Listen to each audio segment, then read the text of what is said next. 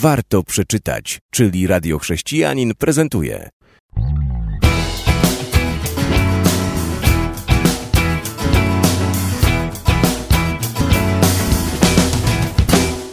Witam w dzisiejszej audycji Warto przeczytać. Chciałbym wspomnieć o książce Wyrwane z piekieł. Książka ta pojawiła się dosyć dawno i prawdopodobnie nie jest już do kupienia. Wyrwane z piekieł. Niewiarygodna Odyseja Eliezera Urbacha. Eliezer Urbach jest Żydem urodzonym w Skoczowie, niedaleko Bielska Białej. Wygnany za młodu z ojczyzny przez wichry II wojny światowej, dorastał w okrutnej szkole życia. Najpierw na terenie hitlerowskiej Rzeszy, a potem w stalinowskim Związku Radzieckim. Jego niesamowita podróż w poszukiwaniu bezpieczeństwa i pokoju wiodła przez wiele krajów na trzech kontynentach. Zmożony głodem, zmęczony prześladowaniami i zrozpaczony brakiem nadziei, odnalazł pokój serca tam, gdzie najmniej się tego spodziewał.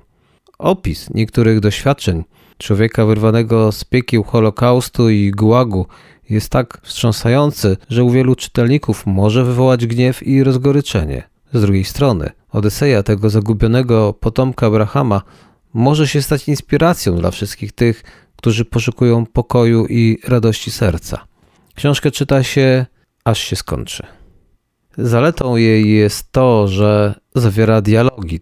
To nie są tylko same opisy. Jest dialog, jest akcja, jest świadectwo. Książka ukazała się nakładem wydawnictwa Sofer, a stało się to w 1997 roku. Cała historia to prawie 250 stron. Na samym końcu znajdziemy epilog. I tam do moich braci Żydów. Cytuję. Skoro czytając tę książkę doszliście do epilogu, mam nadzieję, że pozwolicie mi przemówić specjalnie do Was na jego ostatnich kartach.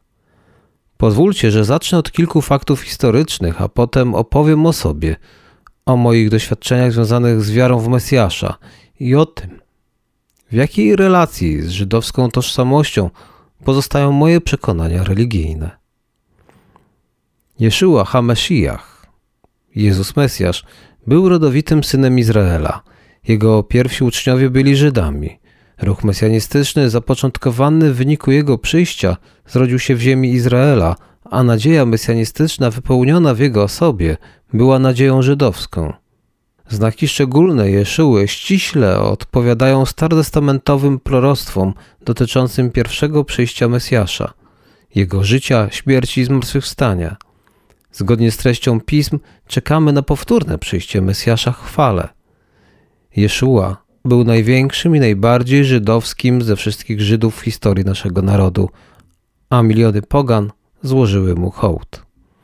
Kontynuuje. Po uznaniu Mesjasza za Pana, moja żydowska tożsamość stała się dla mnie szczególnie ważna. Jestem dumny i szczęśliwy, że należę do narodu wybranego przez Boga, aby z niego wywieźć Zbawiciela ludzkości i powierzyć temu ludowi słowo, które jest błogosławieństwem dla świata.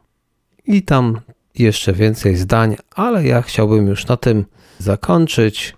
Ostatnie słowa w książce tych czytelników, którzy nadal wątpią, zachęcam, by samodzielnie szukali odpowiedzi w pismach.